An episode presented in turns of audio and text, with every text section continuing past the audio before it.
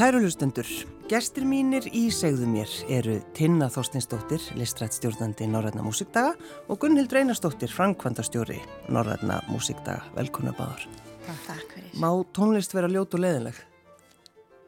Já, má það. já, já.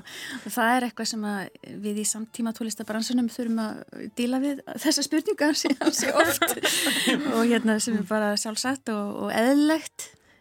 Já, ég held að það sé kannski bara svo mikið vett að allavega í samtíma tónlist að, að hugsa samtíma tónlist svolítið svona eins og maður hugsa samtíma myndlist. Ef maður til dæmis fyrir á leistasapn mm. og á nútíma myndlistasýningu að þá sé maður kannski eitthvað alveg stórkostlegt en það er kannski ekki endilega eitthvað sem manni langar að fara með heim og setja vekkin hjá sér heldur er það kannski eitthvað sem að reyfi við manni eða, eða snerti mann á einhvern hátt en hérna og ég, mér finnst alltaf svo gaman að tala um samtíma tónlist í þessu samhengi þú veist að, að þegar maður fyrir á tónleika með samtíma tónlist að þá er þetta ekki bara til þess að fara og slaka á og hlusta á svona undurfæra tóna eins og uppástegið þittir og, og láta sér líða vel heldur, ferum ára samtíma tónlistar tónleika til þess að kannski upplöfu eitthvað nýtt eða láta hreyfa við sér eða, eða þetta getur ofti verið svona einhver rannsóknarlegangur mm -hmm. þú veist, mhm. nútíma samtíma tónlistamenn eru mjög miklu rannsóknarmenn, þetta er svona maður er kannski að kann einhver ný hljóð eða prófa einhverja nýjar leiðir eða, eða form eða þetta er svo, þetta er svo mikil svona rannsóknar vinna og maður þarf ekkert að, ekkert að alveg að skilja það endilega eða, eða vitum hvað það fjallar maður getur bara farið og lefta þessu svolítið að hafa áhrif á sig mm. og stundum einmitt er kannski tilgangurinn að það sé svolítið ljótt eða svolítið leðilegt eða, eða láti manni þú veist, til þess að, að veki einhverja tilfinningar innra með manni til þess að hérna, hreyfa við manni og láta mann hugsa um eitthvað, eitthvað annað þannig að það er svona, ég held að þetta sé svolítið svona lendur tilgangur hérna nútíma og samtíma tónlistar já, já. er þetta nákvæmlega sko. Það er líka svo gaman einmitt eins og þú segir það, það kemur einhver tilfinning við veitum ekki alveg hver, hver hún er mm. og þá er það bara fínt skiljiði, þú veist, það bara að komi eitthvað, reyfi eitthvað við manni þó manni finnst þetta kannski mjög fyrðulegt. Já og þá er kannski einhverjum tilgangi náð og, og það er svolítið mikilvægt að, að skoða það þannig en svo er þetta náttúrulega ekki sagt með það í huga að letja fólks til að koma á norræna músíka Jú, þetta er búið því mig fara. Já, það er einmitt til að kveiki fólki að koma og okkar nýtt að reyfa við manni og hérna, Akkurat. svo getur það ofta verið líka mjög fyndið og skemmtilega þú veist, það má allt. Já, Já og það er einmitt líka eitthvað sem að, uh, við tökumst á við daglega við Gunnildur mm. að spila tónlist sem er bara mjög fyndin mm. og bara mikill húmor í og leikleði og við leiðum okkur stundum að spila jáfnveil með dót. Ég hef til dæmis spilað á ímis dótaljóðfæri í verkum sem þar, þar, þessi grafist. Ég þurfti að tala um bara svona Já, bara ég spila til dæmis dótapiano og þú átt örglega dóta Já, já, börnin verða oft fúl sko þegar hálf barnaherbyggið komið upp á svið sko, pappin er búin að stela öllu í eitthvað slagverk sett upp þannig að það já, gerist reglulega heima hjá mér sko. já, já. Hver er maðurinn þinn? Hann heitir Mattias Engler og er slagisleikari og ég er hörpuleikari og við hérna, vinnum alltaf saman og hérna og það er svo að mamma er líka ofta að tala um þetta það er svona hálfur kjallarinn hjá henni búin að enda upp á sviði þegar við erum að spila á Íslandi. Og eitthvað balar og skálar og alls konar svona dótt Eitthvað sem hún er búin að leita lengi Já, bara þarna er þetta. Þetta er datorn í huga að taka skálinu mína. En, en Tinna þú sko þegar maður elst upp á samtíma tónlistarheimili þetta er svo, minnst þetta er svo gott sko. Gott orð. þetta er svo gott orð, hvað þýðir það? Já, sko mamma mín er tónskáld, Karolín Eiríksdóttir. Þannig að, já, ætli ég sé ekki ég hef bara einhvern veginn eitt flesti dögum barnæsku mín er svolítið undir flíklinum. Þegar hún var að, að æfa sig, hún var líka sko í námi jafnfram tónsmjónum í píjónuleik Þannig að mér fannst besti staður í heimi að vera undir píanónu þegar ég var lítil og hlusta á hann að spila. Þá var hann að æfa Mozart eða Beethoven eða eitthvað. Mm -hmm. En svo var hann náttúrulega líka sagt, tónskáld svo, og setna. Mm -hmm. Og þannig að þessi svona hljóð og þetta tónmál er mér stendur mér opuslega nærri og ég gerði engan greina mun á einhverjum lögum sem voru bara í dúrumól eða einhverju sem var svona út um allt eða eitthvað svo leiðist og ég vil ekki beint segja sem ég þannig tónlist alls ekki, þetta er mjög fallega. Jú, jú. og hérna en svona þetta tón, tónmál bara stendur mér mjög nærri. Já. og ég man eftir að ég frumflutti verk til dæmis, reyndar held ég að hafi verið eftir hana þegar ég var 12 ára í Östubæbi og sem hún sandi fyrir mig. Og það svona mætti litlum skilningi krakkan í kringum mig og ég hafði ekki hugmynd um að þetta væri ekki bara bara, bara vennilegt lag eða Bara eitthvað yndislega fallegt Já, og- bara, mér fannst það ofbáslega fallegt og skemmtilegt og, og þau voru rosalega hissa og ég skildi ekkert hvað þau voru að tala um. Þannig að þú staðið þarna og verið að neyja því og, og, og krakkarnir hugsaði það, hún tinna, það er eitthvað. en, en eh, hvað með þig Gunnhildur? Ert þú líka alveg upp á svona samtíma tónlistar heimili? Nei, reyndar ekki. Hérna, reyndar er sýsti mín tónlistakona, hún er hérna, Þóra Einarstóttir söngkona Já. og við svona báðar leitumst út í tónlistana. Þóraldar okkar eru ekki tónlistafólk, mamma er reynda mjög músikulsk en hún er hérna starfræði, starfræðingur og starfræðikennari og hérna pappi er liðafræðingur og mamma svona útskýrir þetta mjög ofta svona starffræðilegan hátt að segja tveir mínus að gera eitt pluss sagt í gamla dag Já, já. en ég vil nú ekki meina að að algjörir mínusar í tónlist sko, alls ekki, mjög áhugasum og bara óbúslega opinn og hérna og einmitt svona bara heimilega var alltaf einhvern veginn mjög opið og alls konar áhrif frá alls konar einhvern veginn Já, áttum, þannig að ég held að það sé svona kannski bara sá hérna svo gjöf sem að við höfum fengið að, að vera opinn og forvitin forvitnar báðar og hérna það hefur kannski leitt okkur þessa leið og, en, en, og já, akkurat. En mikið er, stuðningur auðvitað líka fyrir Já. okkar, okkar leið sem við vildum fara og, og hérna náttúrulega ómeitanlegt þann- þannig að þið eru báðar að það ekki sérhæfðar í nútímantónlist. mm. Já, Hvað þýðir það?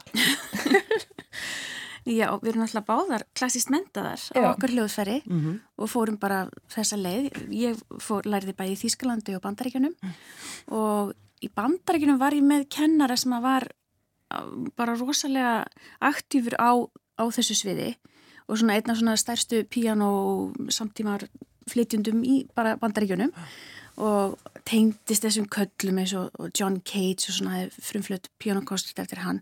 Og hann svona þá fekk ég fyrsta svona sparkið inn í þetta. Þótt að ég hefði alltaf sko verið mjög meðvituð og haft ánægjastari tónlist. En þá svona hann ítt okkur í þessa átt. Og það bara svona uppgötaðist svona heimur fyrir mig. Þá opnaðist bara heimurinn já, þetta er það sem ég er að fara að gera. Já. og eftir það byrjaði ég að sérhefa mig bara í tækni sem þarf fyrir svona spilamösk og hún er oft mjög óheðbundin Nú, hvernig, hvernig þá? Segðu það er bara, þetta er svo stór heimur píanóið, það er ekki bara takkarnir, nei. og hvítu þetta er líka harpa til dæmis Ja, inni og það er oft sagt um píanóið að sé bæði um, strengja hljóðferi og ásláttar hljóðferi þannig að við getum líka spila á strengina og jafnvel með sleiklum talandi um slagvisleikara og þannig að ég hef svona svolítið einbytt mér að því að kanna hljóðin minn inn í hljóðferinu en svo er þetta bara líka að spila bara skemmtilega fjölbreytta, opna alls konar tónlist Já. þannig að það er líka það að fara út, út fyrir þetta hefðbundna þessi hefðbundnu stóru nöfn bara Bach, Beethoven, Brahms og, og þessa Já, kalla já, akkurat. og skoða, skoða hitt fólki líka En, en hvað með þig Gunnhildur? Þú, þú Já. ert líka er það ekki? Jú, þetta var svolítið öðruvísi hjá mér. Ég, hérna, byr, ég lærði fyrst á píano en svo var ég svo heitlega hörpunni og langaði mikið að læra hörpu og hérna, en svona því ég var, bara að byrja því ég var svona, ég var 13 eitthvað svona úlingsárunum og svo svona stutta eftir það, já, ég var svolítið óeinlegur úlingur, ég, ég varst rosa gaman að hlusta á svona, rosa svona emotional nú- nýja tónlist eins og ég kallaði núna svona úlinga emo nýja tónlist eins og Sjostakovits og Bartók og Messiaen og svona, mér fannst þetta alltaf alveg bara stórkoslegt, þessi tónlist, algjörlega stórkoslegt.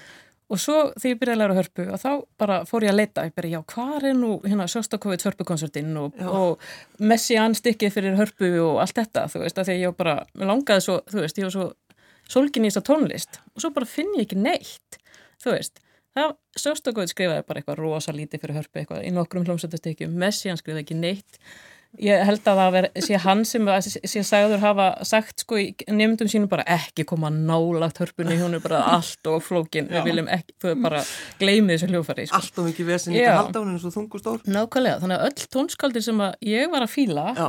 að enginn hafi skrifað fyrir hörpu og það er það sem kveikt í mér að hérna, ég bara þú veist, ég var bara, heyrðu, þetta gengur ekki. Við erum að gera eitthvað í þessu. Þannig ég hef bara helgað eiginlega mínu, mínum ferli það að kynna hljóðfærið fyrir tónskaldum og hérna vinna með hérna, og bara náttúrulega sangað mér, finna öll stík eða þú veist, hva, hver skrifaði þá fyrir hörpu og hvað er bitastætt Já. og, og hvað er skemmtilegt og hérna og svo þetta, ég fór alveg alla leið með þetta, ég gerði, ég hérna fór til Helsingi og, og hérna fór í doktorsnám, þess að gerði hérna, ég er sem sagt doktor í hörpuleik og hérna skrifa, já, skrifaði sem sagt hérna vefsíðu sem heitir hérna harpnotation.com sem er sem sagt hérna, það er doktorsverkefni mitt og það er í rauninni eins og encyklopedía yfir öll hérna svona nútíma hörputækni mm. eiginlega fyrir tónskáld og auðvitað hörpuleikar og það er í mig vídeo og og hérna bara útskýri hvernig bara að skrifa þetta því að ég komst að því að hérna ástæðan fyrir því að tónskvöld eru svona hrætt er að upplýsingarnir eru bara af skortum skamti og hérna svo bók sem ég gerði svona smá úttekt í mann hérna á, einmitt á Ísland að bara já, öllum tónskvöldi sem ég þekkti til að reyna að finna hvaða bækur þau var að nota og svo leiðis og það er bækur sem að flesti voru að nota varu frá 1920 þannig að hérna, það vantaði virkilega einhvers konar hérna, upplýsingar bara um hvað er mögulegt og hvaða leðir hægt að fara og svona. Þannig ég tók þetta bara að mér og, og gerði þennan VF sem er bara í gríðalegur notkun, ég fæ bara reglulega hérna, e-mail frá tónskotum um allan heim sem er að segja bara takk fyrir, ég er að nota þetta rosa mikið og, og hérna, ég er opaslega ánað með það Þannig, og, sko, lýsir þetta þér vel, Gunnhildur, að, að gefast ekki upp? Já, kannski, alltaf ekki.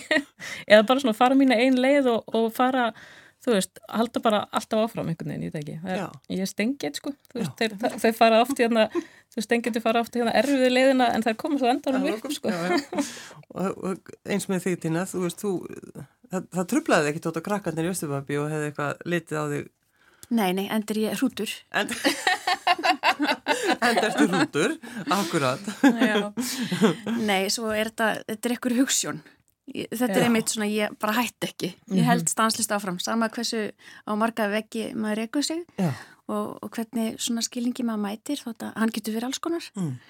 En nei, ég, þetta er bara eitthvað sem ég vil gera og, og þetta hef helgað mitt líf minni líka Eh, þessu að, að bara spila nýja tónlist og líka koma þessum þessari tækni eins og þú segir til skíla mm -hmm. út af því að hún hefur svo mikil áhrif á við erum, við erum alltaf að gefa á okkur hljóðfærarleikarannir mm -hmm. og sína tónskáldum og almenningi líka bara hvernig á að spila á þessi hljóðfæri og, og gefa hugmyndir og bara endalust að já, láta frá okkur ykkur upplýsingar mm. og, og þau taka þetta og, og náttúrulega innvikla þetta inn í sín verk og svo þróast þetta bara áfram og stundum finnst mér ofta að við ættum verið svona svona co-writer Já, ég er alveg, alveg farin að hætta mig út af það bröð sko, það er farin líka að, bara, að semja eigin verk líka og, hérna, og, en þetta er bara þessi, þessi, hérna, þessi uppfinningarlið í samtíma tónlist og þessi svona Hérna, frumkvæ, þetta frumkvæla mm. starf og hérna og kannski bara svona nýsköpun nýsköpun, mm. þetta er nefnilega, nýsköpun Já. er rosalega gott orð sem ég finnst við ættum að nota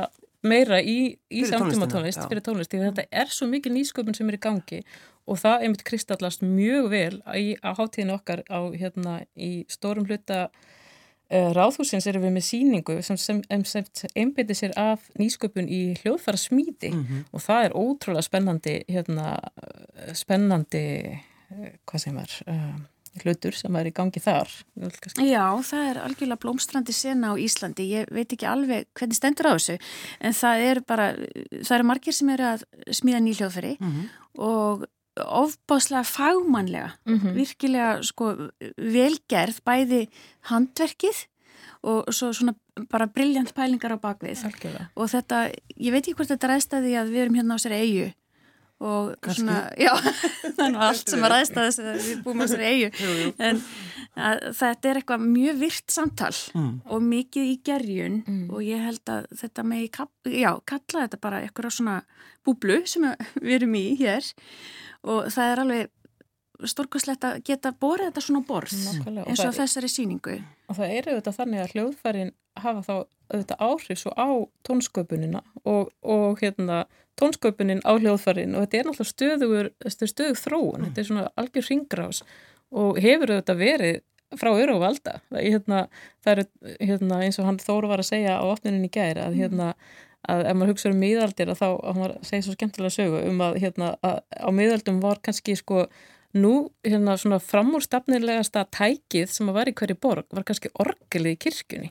Þú veist, það var í hverju borg var kannski orgel og það var einhver ótrúlega tækni sem var í gangi þar þú veist, hérna bara náttúrulega orgel er náttúrulega rosalegt fyrir bari og hérna rosalega tækni kringu það, þannig að það var kannski þú veist ótrúlegasta Já, tækni hérna vélinn tækni, tækni undruð í þeirri borg. Já. og hérna hljóðfari hafa oft og hljóðfari þróun og tónlistamenn hafa oft verið rosalega mikið þú veist, framarlega í bara svona framþróun og, og hérna sköpunu þetta, já.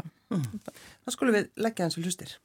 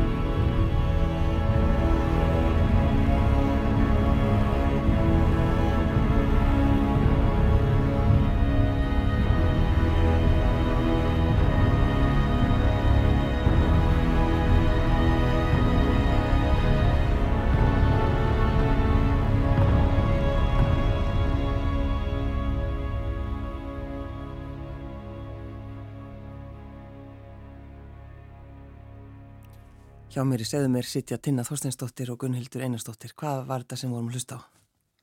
Þetta var úr hérna, myndinni Jóker, tónlist eftir Hildi Guðnadóttur, uh, Bathroom Dance og þarna leikur einmitt Hildur á hljóðfærið Haldórufón sem Haldur Ulfarsson hefur verið að þróa undanferðin ár. Mm -hmm. Ég það sé svona tí, komin tíu ár eða 15, mm. ég veit ekki, Haldur verið að segja okkur það nákvæmlega, en hérna þetta er hljóðfærið sem hann hefur lengi verið að vinni í og hún hefur mikið notað í sinni tónlist og tónsköpun. Og hérna fóru og Já, einmitt, er svo gott dæmi, einmitt um þetta sem vorum að tala um, hvernig, hérna, hvernig hljóðfari hafa áhrif á tónsköpun og öfugt. Mm -hmm. og auðvitað hefur náttúrulega haldur líka unni með hildi og öðrum hljóðfara leikurum með hljóðfarið og, og hérna er að, er að hvetja þau til þess að nota það og svo, svo laga hann það til og, og hérna og svona, ég held að hann sé mér sem búin að skera sko sér útgafu fyrir hildi eftir hennar Já, óskum sko. já. Þannig að hérna, þetta er ótrúlega skemmtilegt samtal sem er í gangi þarna og hérna og einmitt tal, hérna, hann hefur náttúrulega fengið mikla aðtegli eftir, eftir hérna, svona í, með velgengni hildar auðvitað og er með bara verstaði og er að smíða þessi hljófari og þau eru alveg ótrúlega falleg og hérna og bara stórmerkileg og það, þau, einmitt það má sjá þarna í ráðhúsinu. Það, og það var einmitt leikið á það í gær, það var Já. Júlia Mógensen sem að lík tvö frumflutti tvö nýverk á, eða nei ekki frumflutti frumflutti eitt og hérna líka annað sem eldra verk í gær og opnunatónum það var frábært. Já, það er einmitt þetta með, sko, hann er náttúrulega myndlistamentaður, Haldur, og það er, þetta handverki er svo fagurt á þessum gripum, þannig að þú veist, það er svo gaman að sjá þau og nálgast þau og, og líta á, fara þarna og skoða þau, þetta bara, og þetta hljóðfyrir er búið að fara í gegnum nokkrar útgáfur Mhm, já. og þau hafa öll verið svolítið mismunandi, þannig að það mættu örgulega fara að skrifa núna sögubókum Haldur Já. en hérna, þannig að, já, þetta er tækifærið Já, að sjá akkurat. hvernig þessi fallegu hljóðfæri líta út. Og ég veit á fymtudagin verður tækifæri til að hitta líka hljóðfæra smíðina og þá má Akkurat. svona kannski aðeins pota og prófa held ég. Já. Það er á fymtudagin klukkan þrjú. Já. Fótó, prófa. en uh, ef við ekki aðeins að tala um uh, þessa uh, hátíð, þe hún er, þetta er ekki, hún er ekki ný, þessi hátíð. Nei, er sannlega ekki. Já, þetta er einn elsta uh, tónlist klassís, nei, hátíð klassískra samtíma tónlistar, bara í heiminum. Hún er frá 1888, hvorki meirinni minna. Sem er alveg ótrúlega merkilegt fyrir okkur að hugsa til þess. Hvernig ætli svo fyrst að hafi verið? Ég ætla að hafi ekki bara verið Sibelius og já, rosa viltur. Já, rosa viltur, alveg rosa framúrstefnilegu sko, á þeim tíma já, já. og hérna, já, já, þetta er verið mikið partí. Allir hugsa, en hvað þetta er ljótt og leðilegt? Já, og svo er nú alls ekki reynin í dag, há romantíst tónlist. Jú, akkurat. og Já, ég hef nú alveg vilja verið að fluga vekk þá.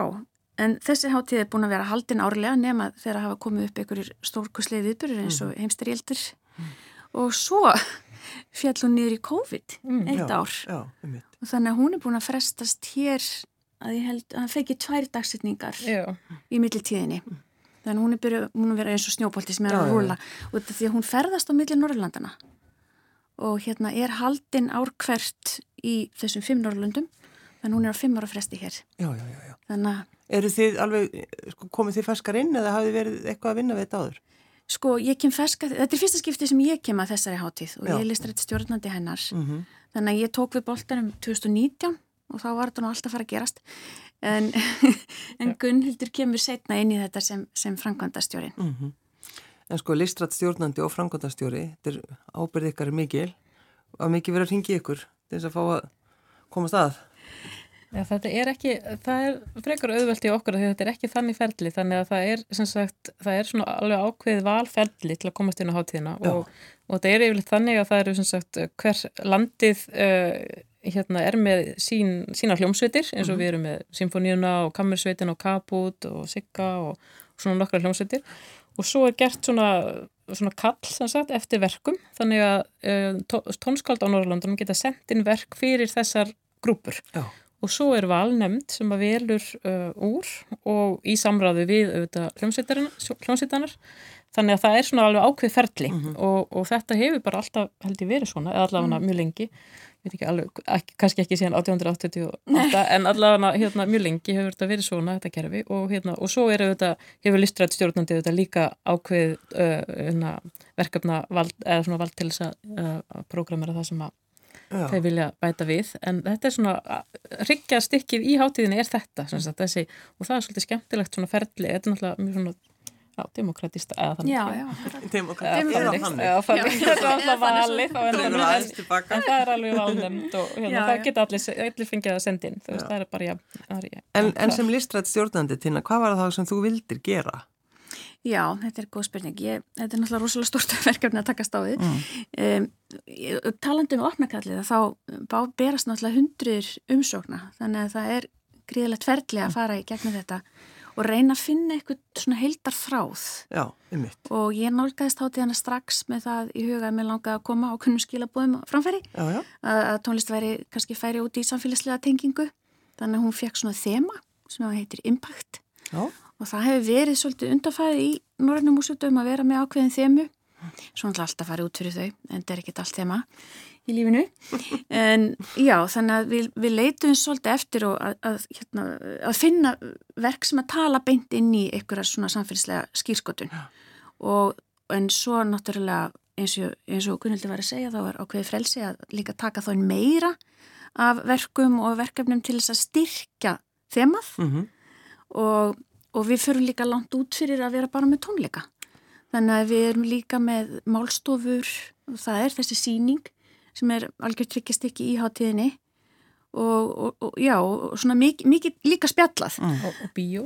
Og bíó, nákvæmlega, við erum með bíó í Norrannahúsinu með, með myndum frá Grænlandi til dæmis, tónlistar sem tengjast tónlist, tónlist í Grænlandi og uh, myndlistaverk sem að, uh, var hérna stórt og mikið í í hérna, ég man ekki alveg fyrir nokkrum árum, í leita töfrum eftir Ólaf Ólusson og Líbjö Kastró sem er tengi stjórnarskraf Íslands, við, mjög viða mikið verk. Þannig að við erum að fara út í svona... Svo vinnustofunar. Já, hérna. svo eru vinnustofunar. Já, það er einmitt hérna, eins og Listaháskóli Íslands, þessi voru með vinnustofu í um þessi framúrstöfnur og hljóðfæri sem mm. eru á síningunni, það var um helgina og svo var líka byrjuð fyrir helgi eh, vinnustofa sem við kallum ungt fjölmila fólk. Það er hérna kona frá Berlin sem er sérhafð í því að, hérna, að kenna ungu fólki að fjalla um tónlist og gera sagt, umfjöllun, fjölmiðla umfjöllun, sem sagt skrifa greinar, gera podcast, taka oh. viðtöl, uh, gera gaggríni og hún er sagt, með núna teimi af fimm ungu fólki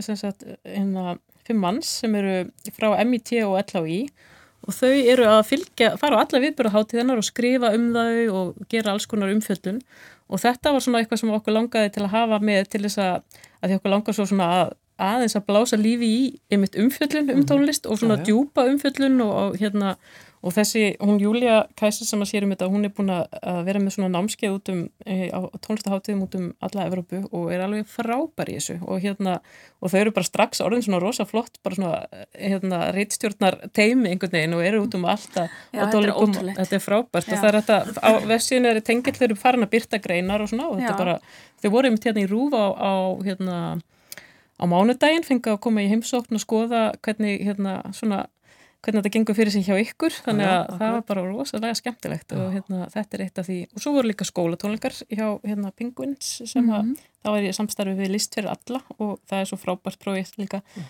það sem að hérna, tónlist er færð inn í, inn í skólana og hérna finnst það ótrúlega skemmtilegt að nútíma tónlist fær að rata líka til krakkana því að þau eru svo hérna, þau eru svo opinn svo opinn og hérna, ég frétti í gær já, hérna, þau sögðum um þetta í gær að það hefur verið einhverju krakkar sem hefur sagt bara þetta voru skemmtilegustu tólingar sem ég hef farið á á æfinni já, áttara áttara, það voru já. ótrúlega spennt það var ekki, svo gaman. ekki tólvara eins og tala um það. Nei, já, það, þau heyra bara eitthvað, eitthvað æfintýri já, þau eru ekki trend líka þau Nei. bara leifa sér að, að hérna rífast með og, og hérna og bara, þú veist, hlæja og, og segja oi og eða eitthvað, Já, þú veist, bara bara, hvernig, það er eitthvað svo, svo hérna, instant þessi, mm. hérna, þessi viðbröð frá þeim, það er svo skemmtilegt að einhvern veginn mm. upplifa held ég. Og þannig er líka eitt mjög mikilvægt út af því að við vorum með, þetta er Norst uh, slagvist tríó sem var bara þarna á borð, Já. alls konar fyrðuleg hljóðferði og skemmtileg hljóð, að þarna, og þau náttúrulega tala ekki til bönnin, það er bara í gegnum tónlistina sem þau tala saman. Já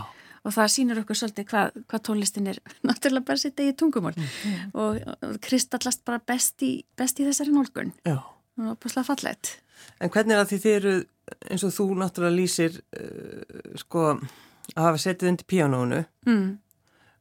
hjá mömmuðinni Karolínu. Uh, hvað með svona ykkar, ykkar fjölskyldur?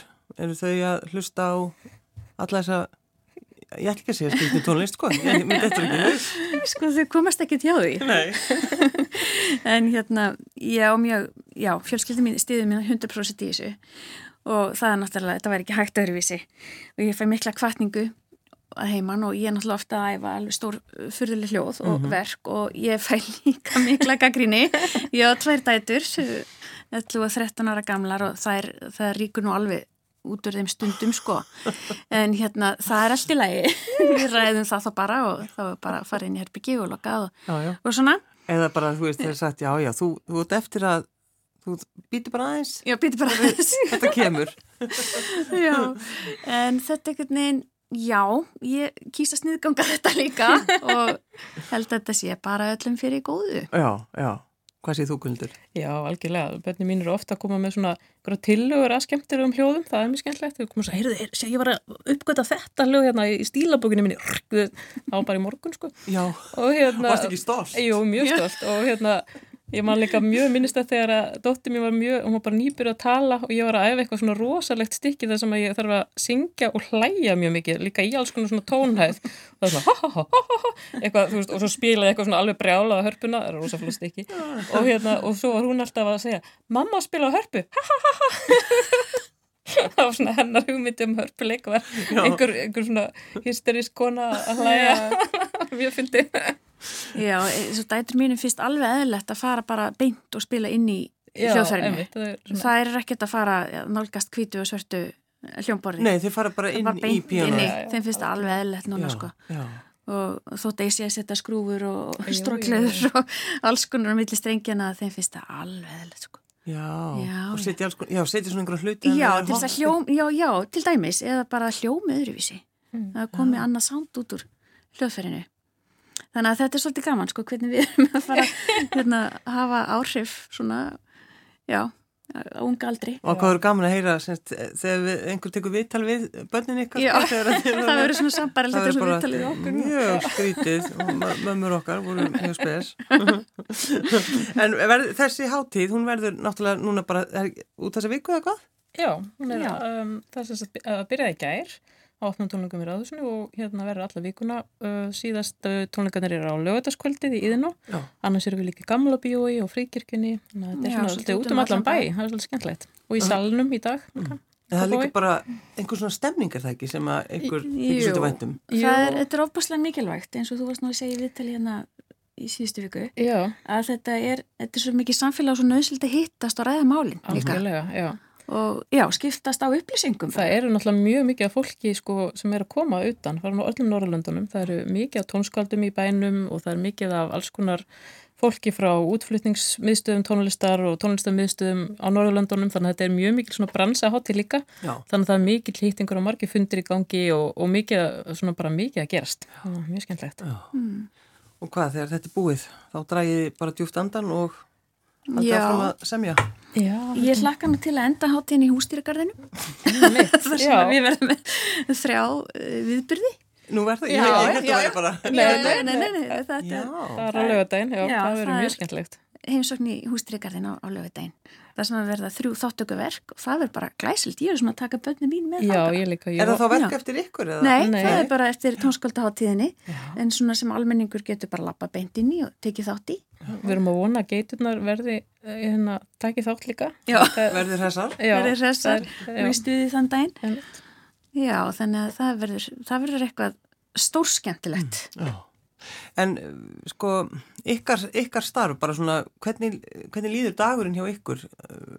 Hvernig, hvernig, hvernig er vinnan ykkar? Já, við erum svolítið byrjar að kvart yfir, byrjum í þér, Tina. kvart yfir því að, hérna, að senda ekki skilabóð á Facebook eftir miðniti en, en já, sko ég er líka píjónakennari, þannig að Já. þetta fer alveg stórkostlega saman núna að þetta er svo mikið context switch Mhm. eða eins og maður segir að maður þarf að já, svona skipt heilinu sinni í marga hluta Akkurat. og náttúrulega yfir sínuna sem að Gunnhildur er með til dæmis sem framkvæmdastjóri er svakalegt Já. Já, þetta er náttúrulega mjög mikil bara svona skipulagsvinna auðvitað og, og það, en það er bara mjög svona venjulegt fyrir mig að því að ég hef ég, sagt, starfað í nútíma tónlist núna í 20 ára eða engungu og, og það er bara gífilega mikil hérna, skipulagsvinna sem fylgir því Já. að, hérna, ef maður er, er að reyka sína eigin sitt eigi batteri þannig séð, maður þarf að þetta er bara allt frá því að auðvitað að sækjum styrki, vera með hugmynd, hugmynd að vinna, þú veist, hérna og svo allt skipulag um, og bara hérna reikningarnir og allt og sjáum þetta allt þetta dæmi, þú veist, Já. það, er nefnilega svo mikill partur af því og svo það maður líka að æfa sig og, og halda sér í formi Og vera skapandi. og vera skapandi, þannig að það er alveg, þetta er alveg svona tví, hérna, Já, mitt sem við erum báðar að gera vinna öðrum verkefnum á sama tíma, æfa sig Já. fyrirfram. Já, að og fyrir hátíðina við erum líka að spila. Nákvæmlega, þannig að þetta er alveg svona mjög mikið, mikið skipul og ég held að mitt fólk átti sér ekki alveg á því hvað, hvað sko sjálfsöttarvandi tónlistafólk, hvað það vinnur mikið sko. Já, Já, það er hérna mjög mikil hérna, já, pakkisvinna sem Já. fylgir því. Og, Þið fyrir minnskvæmst ekki að stimpla ykkur inn út, það er ágætt. nei, Nei. það er náttúrulega mjög næst. Það er bara móð. Við getum alveg unnið eftir mjög gott. Já. Uh, við ætlum enda á uh, tónlist, þið verður að segja okkur hvað þetta er. Já, nú ætlum við að heyra uh, verk eftir Unu Sveinbjarnadóttur sem er uh, fyrsti fyrirleikari strengjakvartisins Sigga eða strókkvartisins eins og þau kalla sig og þau eru uh, með tónleika í kvöld og uh, þannig að það er í gamla bíó og okkur fannst bara ótrúlega vel til fundið að, að hérna, smetla þeim á fónin Já, og þetta er sagt einn kapli úr verki eftir hana. já. og hún er einmitt með verk líka setna á hátíðinni Já, á Já, Teina Þorsteinsdóttir og Gunnhildur Einarsdóttir, takk fyrir að koma. takk. takk.